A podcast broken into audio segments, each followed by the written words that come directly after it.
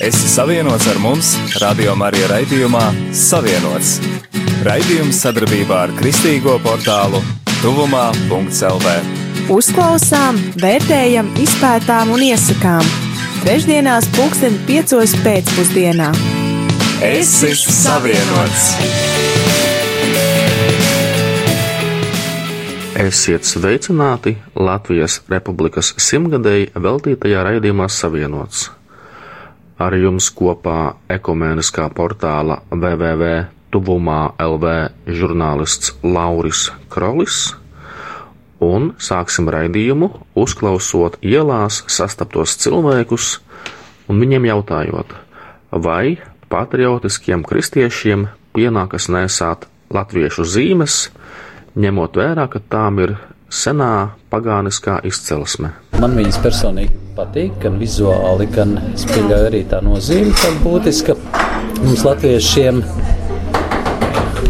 Un, nu, Man viņas patīk. Esmu kristietis, Jā, auseklīts, kas ir mums arī pieder pie šiem zīmēm. Mēs 90. gados visu auseklīti noteikti nesājām un lietojām un, un lepojāmies ar viņu, kas pasvītroja mūsu piedarību latviešu tautai. Pārējās es īpaši neuz, neuzsveru, bet nu, katrā ziņā es viņas neesmu arī nolicis kaut kādā otrā plānā. Latviešu rakstzīmes ir uh, interesanta daļa no latviešu un Latvijas vēstures, kas, manuprāt, ļoti parāda, kā, kāda samatiešiem bijusi kultūra un kā, nu, viņi, kā viņiem ticējuši un tā tālāk. No tā. Manuprāt, nezinu, vai vajadzētu, bet, manuprāt, nevajadzētu nelietot, jo tas nav nekas baigas slikts. Tas, ka, piemēram, tās māras zīmes nenozīmē, ka uzreiz tici, ka, ka kaut kāda māra tā varētu būt vienkārši zīme, kas tev palīdz, palīdz sirdī ticēt, ka kaut pasargās vai zīme, kas atbalsta atbalstu tavu kultūru, jo, ja tu esi kristietis, nenozīmē, ka tu nevari nevar būt Latvijas bērns. Tiešām nevajadzētu būt tādai baigā atšķirībai, ja es pēkšņi izdomāju, ka es būšu kristietis, visas latviešu zīmes vairs ne, neieredzu un viss tā. Ar tevi raidījums Savienots! Ar jums kopā Lauris Krolis no portāla Tuvumā LV.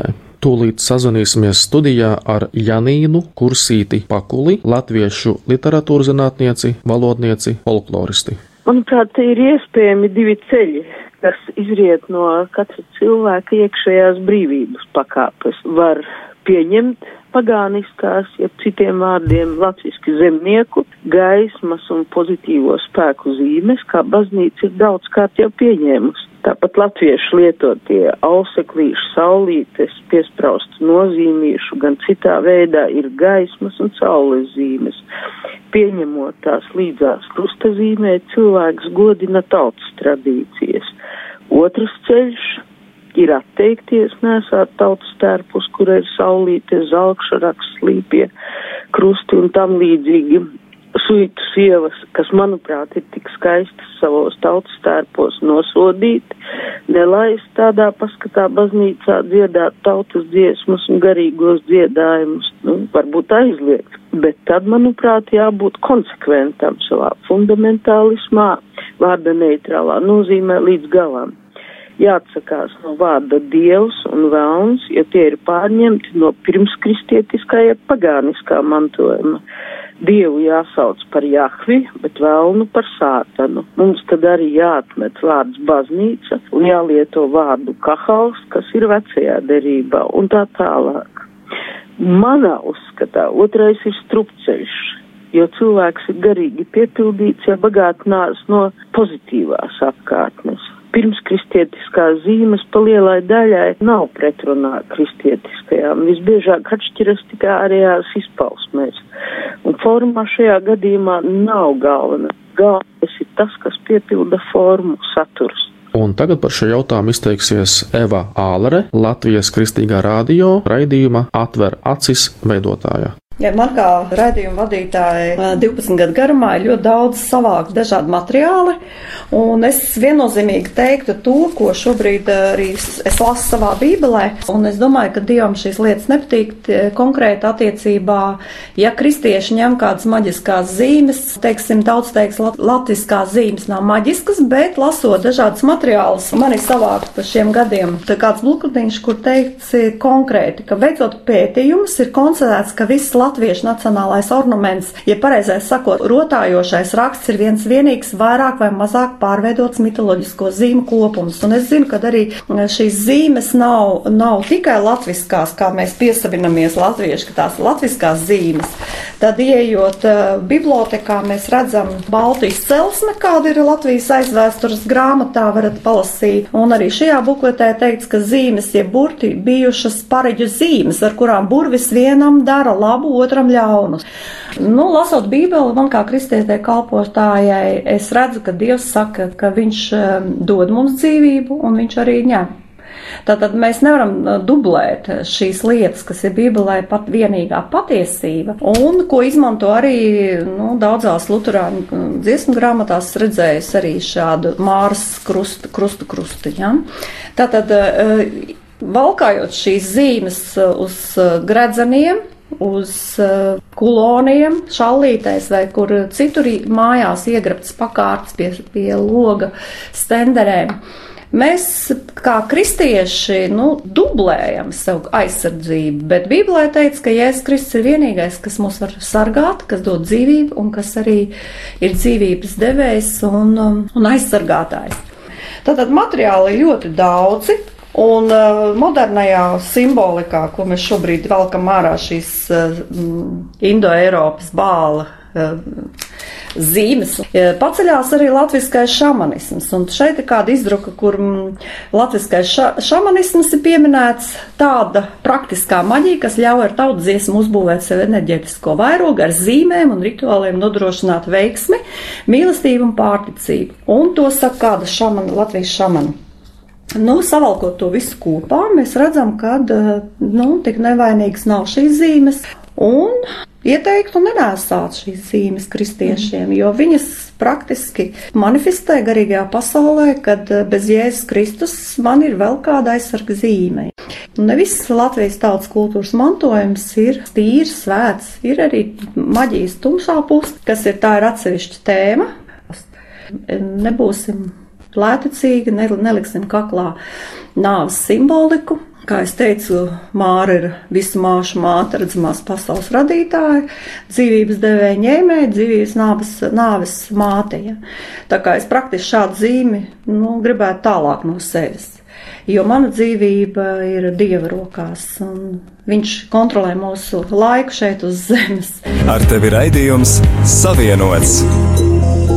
Esam studijā kopā ar Zigmāru Atvaru, lai runātu par tēmām, kas ir aktuālas šajās dienās pēc mūsu Latvijas Republikas simtgades. Ar jums kopā Lauris Krolis no portāla Tuvumā LV. Zigmār, pastāsti, kas ir tavas galvenās sfēras, kurās tu darbojies un kalpo?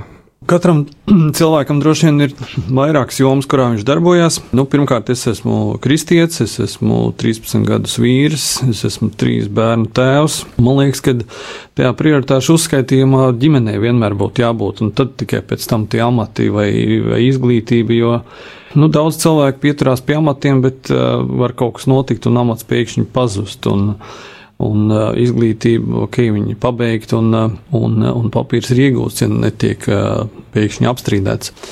Nu, man ikdiena saistīta ir pamatā ar uh, Nacionālajiem bruņotajiem spēkiem, kurā es kalpoju kā militārais kapelāns. Paralēli tam es 17 gadus nodarbojos ar ilūzijas mākslu. Nu, citiem tas vārds var būt grūti saprotams, tas būtu būra mākslinieks. Atkarībā no auditorijām, sākot no bērnu dārziem līdz pansionātiem, viss iespējamais pa vidu. Un arī atkarībā no pasūtītājiem ir tas formāts, kāds tiek parādīts. Ja tā ir baznīca, tad izmantojot trikus, ko var fiziski izskaidrot, kā to uztaisīt, es mēģinu pastāstīt arī par Dievu. Bet ir gadījumi, kad, nezinu, ir ir skolas apmeklējums, kur tiek runāts par sociālām lietām, ir Ziemassvētku balle uzņēmumam, kurā ir tikai izklaide, nav nekādas tur dziļās domas. Um, tad es desmit gadus um, darbojos Kristīgā motociklistu asociācijā.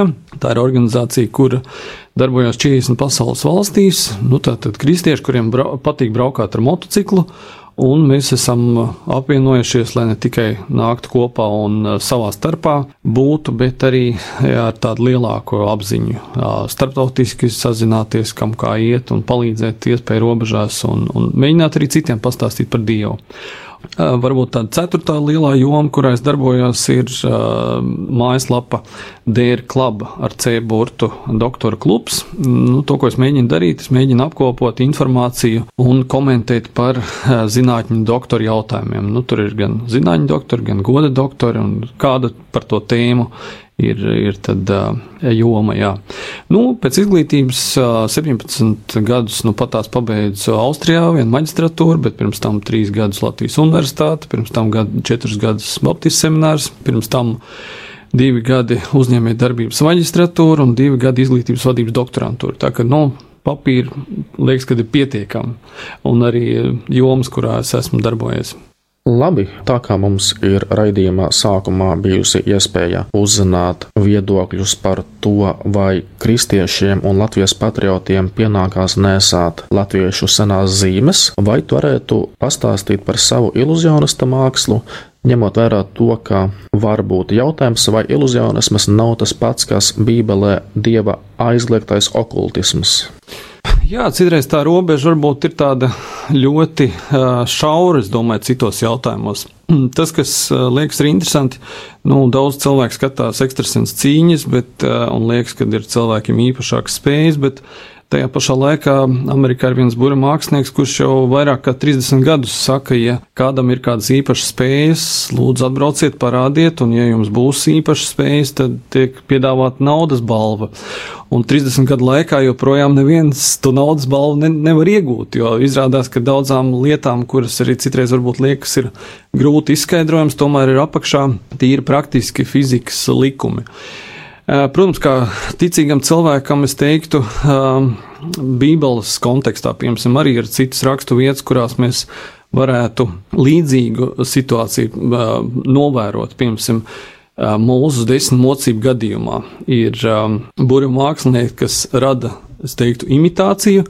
Ja mūsu gadījumā ūdens tiek pārvērsts asinīs, tad viņi arī, izmantojot ilūzijas mākslu, var panākt kad eh, šķidruma krāsa mainās, bet eh, tā, tās eh, notikumu kontekstā mēs varam redzēt, ka ir viens brīdis, kur šie burbuļu mākslinieki saka, šis ir dieva pirks, mēs vairāk nevaram uztaisīt, mūsu spējas ir, ir limitētas.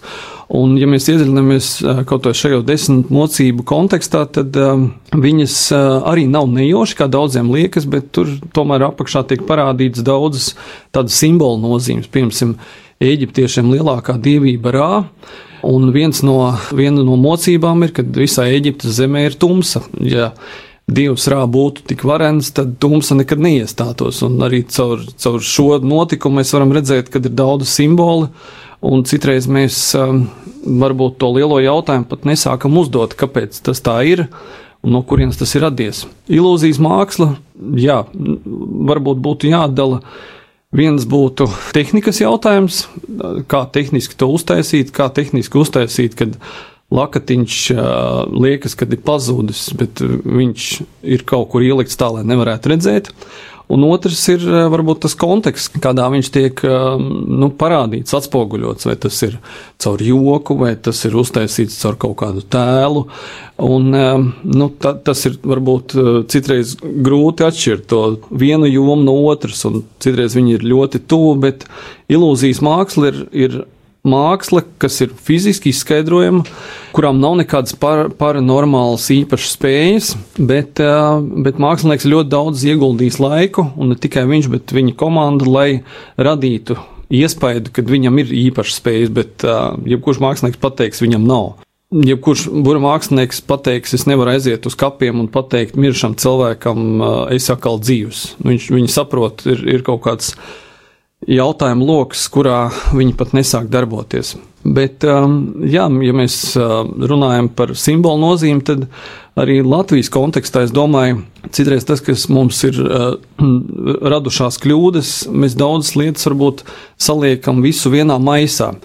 Piemēram, tantiņa uh, dzird, tev ir piemēram, slikts asinsspiediens, viņi saka, dzersi to tēju, un viņi zina, ka dzerot to tēju, rodas asinsvadu uzlabojums, un, un tiek panāks tas efekts, un mēs to tantiņu nosaucam par, par raganu. Bet eh, tā tantiņa zina zāļu nozīmi, un eh, zina efektu. Bet, ja tantiņa paņem cukuru trauku un lieto kaut kādus tekstuālus vai rakstiskus simbolus, apzināti lieto, un pēc tam saka, esi slims, dzerš, lieto šo, piemēram, apārdoto cukuru, tad tas nav tikai augu izraisīts efekts, bet tur jau apakšā ir pavisam savādāks konteksts. Par, par Latvijas, Latvijā lietotiem simboliem es domāju, ka līdzīga varētu būt situācija. Mums ir ļoti skaisti tautstērpi un, un Mums ir ļoti liela dažādība, bet uh, citreiz būtu, manuprāt, pašiem jāsāk uzdot jautājumi. Pirms, ja ir kaut kādi simboli lietoti, tad uh, kāpēc tie simboli ir tādi, un vai mēs saprotam to simbolu sākotnējo lietošanas vietu, lietošanas nozīmi. Jo, ja mēs sakām, senie latvieši tā teica, tad visticamāk mums tas atskaites punkts būtu Latvijas teritorijā esoši iedzīvotāji, un mēs tā kā caur daudziem gadiem esam visi kopā. Krievi, poļi, zviedri, vācieši, lietuvieši esam visi samiksēti, un mēs visticamāk nevienā dzimtā nevaram pateikt, ka mēs esam tikai tīri latvieši.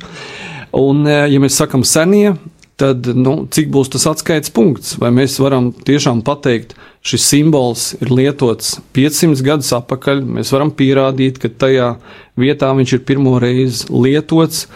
Lietotājs ir lietojis to simbolu ar tādu nozīmi, un ka mēs viens pret vienu tagad, pēc 500 gadiem, joprojām saprotam sākotnējā simbola nozīmi un lietojam ar tādu pašu kontekstu. Visticamāk, nē.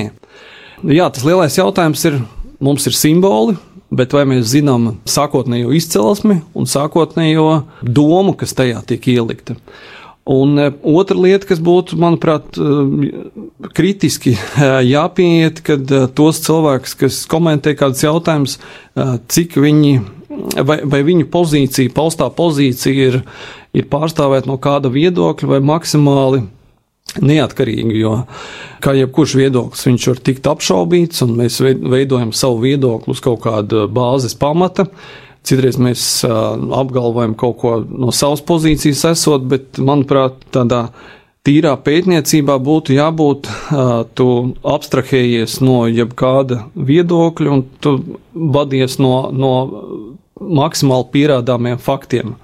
Ja būtu šis simbols tagad ir lietots, nu, mēs jau runājam 500 gadus atpakaļ, tad nevis uh, es saku, es tā domāju, bet es teiktu, uh, Es ats, domāju, tāpēc, ka es esmu 200 gadus atpakaļ esošā grāmatā tādu izlasījis, un ir sajūta, ka tajā grāmatā ir atspoguļota oriģinālā doma. Ja mēs tikai atsaucamies, es tā domāju, bez materiāla, autentiska avota, tad, tad daudzos jautājumos tas ir subjektīvs jautājums. Mērķis būtu, ir simbols, ja mēs sākam uzdot jau jautājumu, kad, kāda ir sākotnējā simbola nozīme, tad mēs arī uh, visticamāk, ja dziļi pētīsim, tad, tad visticamāk mēs aizraksimies līdz kaut kādai vietai vai punktam, kad mēs varam teikt, par kādu senatni runa, jo maksimālais par to tiek runāts mazāk kā simts gadi. Tā kā es visiem mums uzdotu līdzīgu uzdevumu, ne tikai pieņemt, kad, kad kāds saka kaut ko, bet uzdot sev pašam tos jautājumus. Ja man tiešām interesē, kur ir tie sākotnējo materiālu, kā es pie viņiem tieku, vai es varu pārliecināties to sākotnējo domu. Un, un ja es dabūnu sākotnējo domu, tad es jau sāku atzīt, tam es piekrītu vai nē.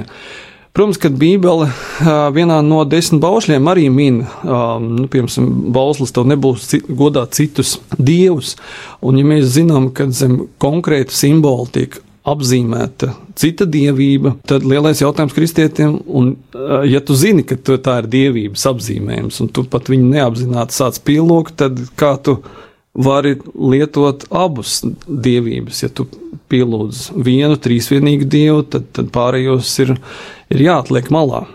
ko tu atbildētu ticīgiem cilvēkiem, kas slavē ekstrasensu cīņas par to, ka tajās tiek pierādīta dieva esamība, ļauno spēku esamība, un tas it kā mudinās kādām ticības atskārsmēm? Jaunā derība arī min par, par, par dēmoniem, kas, ja apkārtējiem Kristu nesaskata dieva dēlu, tad uh, dēmoni ir pirmie, kas saka, tu esi ja, kaut kas īpašs. Un, un, uh, protams, ka uh, šī, šī garīgās pasaules pētniecība nav viegla, jo, jo ir citi jautājumi, loki, ko mēs nevaram tik precīzi pārbaudīt. Bet um, tas, ka uh, dēmoni un eņģeļi pastāv. To Bībele saka, ja mēs ticīgi cilvēki Bībeles rakstītam ticam, tad mēs pieņemam, ka uh, tas arī mūsdienās pastāv. Manuprāt, to, ko joprojām mēs, mēs aizmirstam, kad uh, mēs, uh, ja ir tā sacensība, nu, piemēram, pirmais un otrais. To, ko es lasīju vienā grāmatā, viena uh, sātaniste kļūst par kristieti, un viens no iemesliem, kāpēc viņi kļūst, viņi kļūst tāpēc, ka vienā no uzdevumiem, kur viņi astrāli ceļo, viņi ir jāiz, jābūt pie kristiešiem, un tajā brīdī viņi uzskata sevi par augstu līmeņu sātanistu, viņi netiek, tāpēc, ka apkārt kristiešu mājai ir eņģeļi, plec pie pleca, un viņi pat nevar tikt cauri. Un tas varbūt ir viens no pirmiem rādītājiem viņai, kad ja jau pat eņģeļiem viņi, viņi netiek cauri. Uh, un viņi uzskat, tiek uzskatīti par augsta līmeņa. Tad uh, tādā hierarhijas ziņā uh, Dievs radītājs ir pāri visam pirmajā vietā, Sātans ir otrajā vietā, un tas, kas bieži notiek, cilvēki domā, ka otrais ir visvarenākais, bet aizmirstam par to, ka viņš ir tikai otrajā vietā. Aicinājums būtu Nē, esam pie otra, esam pie, pie pirmā, esam pie spēcīgākā, esam pie radītāja, pie tā, kuram ir kontrole par, par visu. Ja pirms mēs lasām īņķa grāmatā, vecākā Bībeles grāmatā, kad jā, viņš atļauj uh, sātanam īņķu kārdināt, bet uh, viņš nosprauž robežas. Un, uh, tas, kas mūsdienās varbūt citreiz tiek sajaukts, kad spēcīgākam numur divi tiek iedota lielāka vara nekā viņa ir. Un uh, Bībele apraksta sātanu pa malu tēvu, un iespējams tas ir tā, tā, tā lieta, kas, uz ko daudz ir uzrāvušies. Uh, meliem, kad uh, otrajā, otrais spēcīgākais ir pirmais, bet atgādinājums Dievs ir pats spēcīgākais, ejam pie spēcīgākā varenākā, nevis pie otra. Ar tevi raidījums Savienots. Un tagad skanēs mūzika.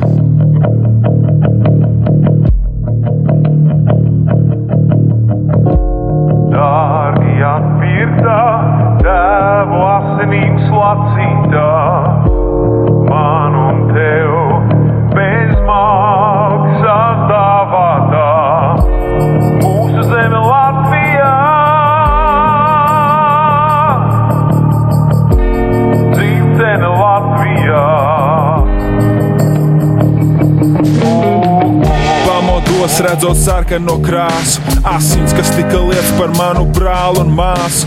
Uzreiz es pārlasīju katra varoņa stāstu, kā mūsējie cīnījās, plēšot vilks un lāčus. To, ko svētīs Dievs, to cilvēkam nebūs šķirt. Dievs svētīja Latviju, bet kādam nācās mirt.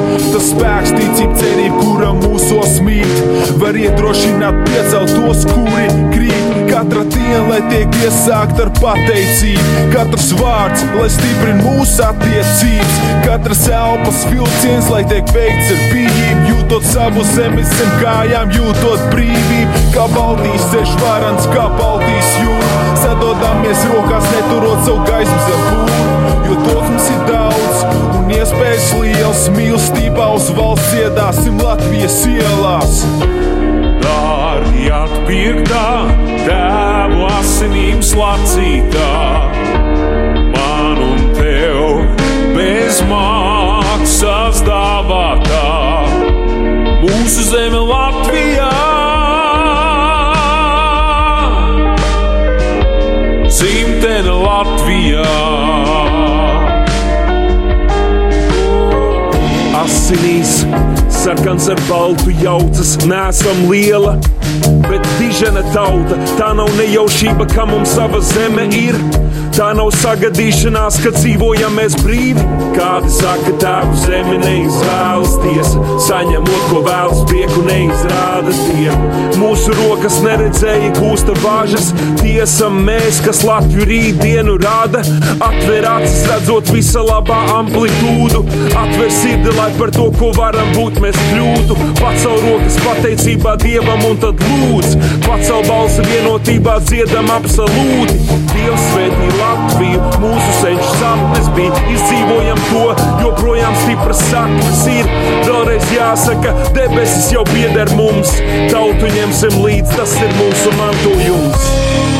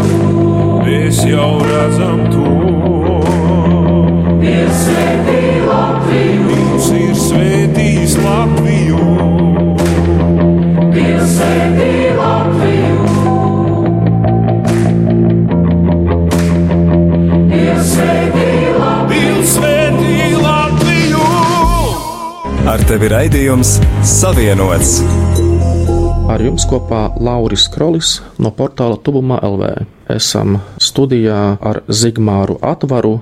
Tu esi dibinājis motociklistu apvienību Latvijā.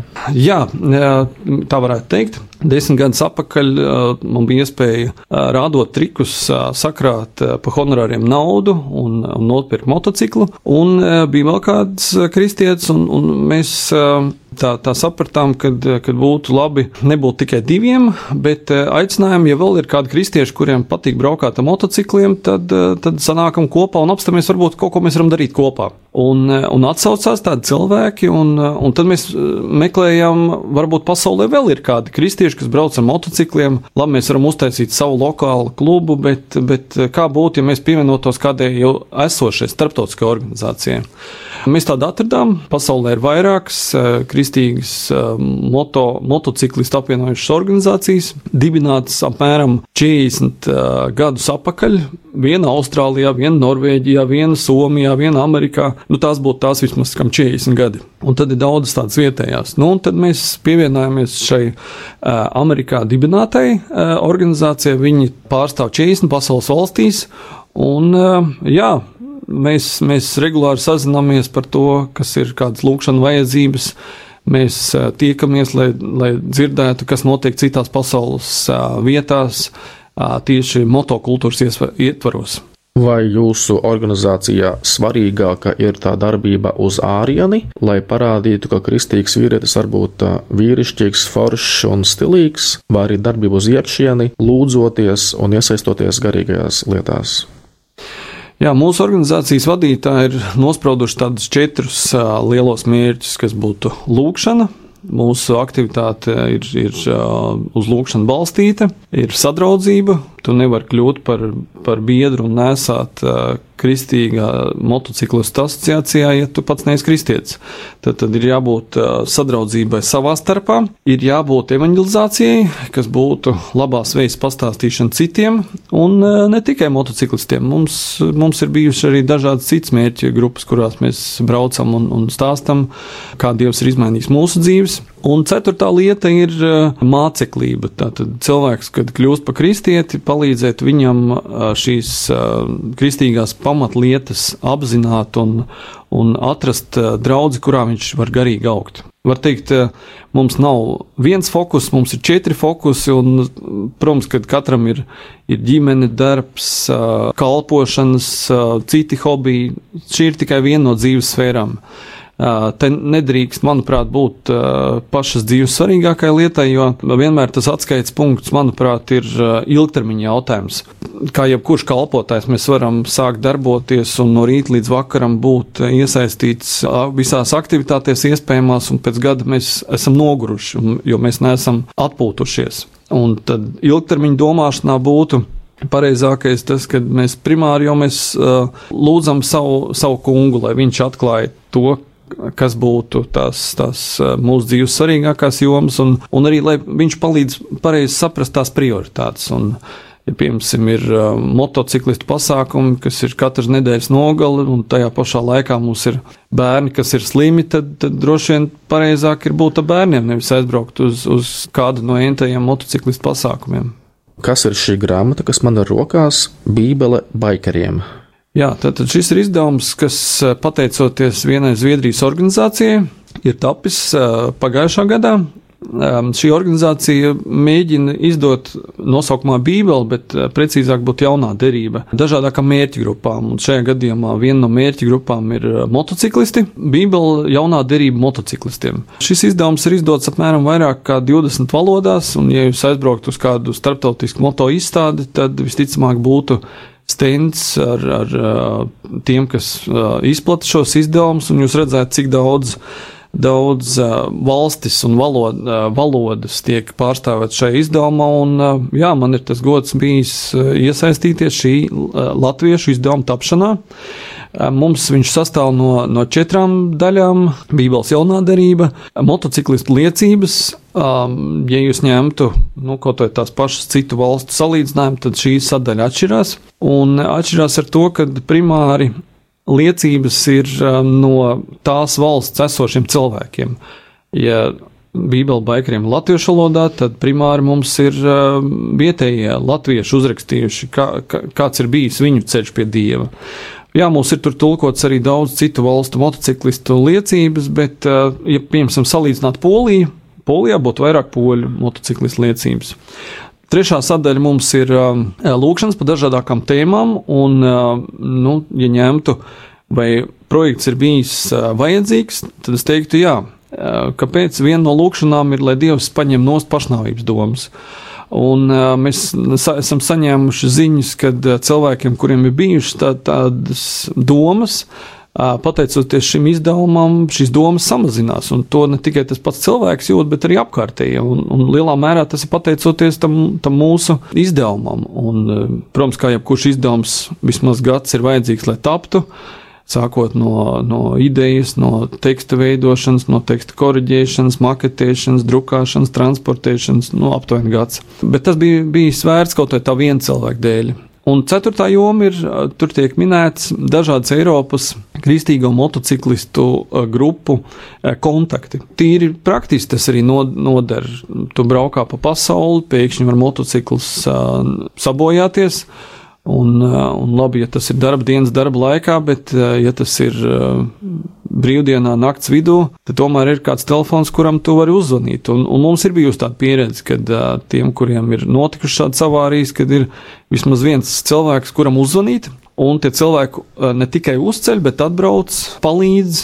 Un tāpēc, kad ir uzticēšanās savā starpā, tad, tad viņi pat ir gatavi citreiz palīdzēt materiāli un, un uzticoties, ka pēc laika, kad tā tehniskā kļūda tiek novērsta, kad nauda tiek atgriezta. Un, un tas ir tāds uzticēšanās jautājums. Bet šis ir interesants izdevums, un mēs, esam, mēs viņu izplatām ne tikai motociklistiem, bet arī visiem tiem, kas, kas vēlas, jo mēs zinām, ka.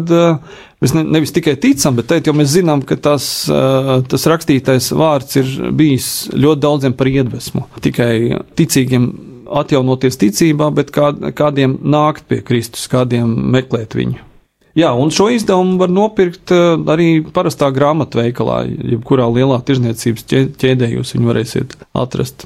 Katrs piekritīs, ka armija bruņotie spēki stiprina Latviju, kā tu kā kapelāns un kā pārējie kapelāni stiprina bruņotos spēkus. Latvijas kontekstā patreiz mēs esam 12 profesionālā dienesta kapelāni, un divi pēc mēneša arī kļūs. Un vēl paralēli mums būtu tad, tad zemesardzes kapelāni, kas ir piesaistīti kādai zemesardzes vienībai.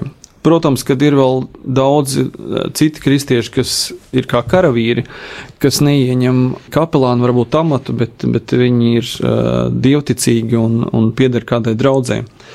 Kapelāna uzdevums, manuprāt, ir primāri saistīts ar, ar reliģisku atbalstu karavīram, jo kaut vai esošā vienībā, kur es patreiz esmu, es esmu aptaujājis jautājumu, kādas ticības karavīrs sevi pieskaita. Un karavīri nesā žetonu, kurā viena no pozīcijām arī ir, ja tu vēlies, tad tu vari norādīt savu reliģisko pārliecību.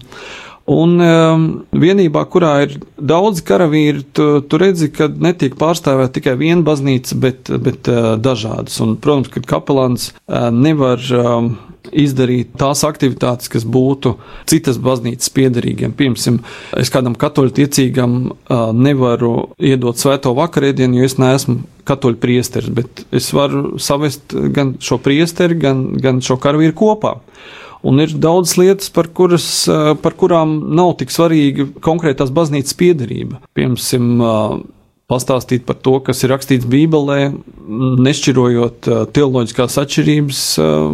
Kaplāns var, var visām reliģiskām grupām pastāstīt, reliģiski piedarošiem, vai pastāstīt to, kāds tad ir tas karavīra mērķis no Bībeles konteksta, jo, piemēram, liela daļa karavīri uzdod tā, tādus nu, jautājumus. Viens no baušļiem saka, tev nebūs nogalināti, un, un karavīrs nogalina. Un, kas tad ir ar to karavīru, kas nogalina? Un, un nesen izdevās pārpublicēt Mārtiņa Lutera darbu, vai karavīrs var būt pestīts. Iedomājieties, 500 gadus atpakaļ ir sarakstīts darbs, kur ir joprojām tas aktuālais jautājums, vai karavīrs, kurš nogalina, var būt, var būt debesīs. Bet uh, Bībele uh, par, par karavīru lomu uh, runā arī citos kontekstos. Piemēram, tad, kad Dievs rada pirmo cilvēku, Ādamu, Ādamam ir iedoti divi uzdevumi sākumā. Pirmais uzdevums būs, būtu kopt, um, nu, ja tu esi lauksaimnieks, tu kop savu zemi.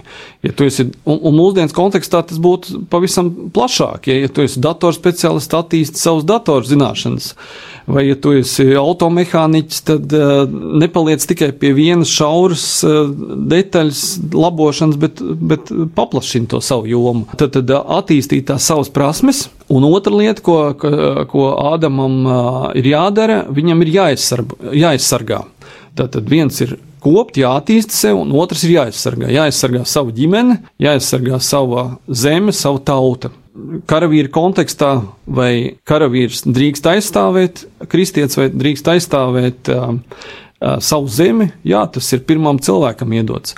Otrs interesants tāds konteksts, tad, kad jaunā derībā karavīri nāk pie Jāņa Kristītāja, tad viņi prasa, mēs esam karavīri, mēs šo profesiju darām, ko, ko mums būs darīt. Un, un Jānis Kristītājs um, saka divas lietas.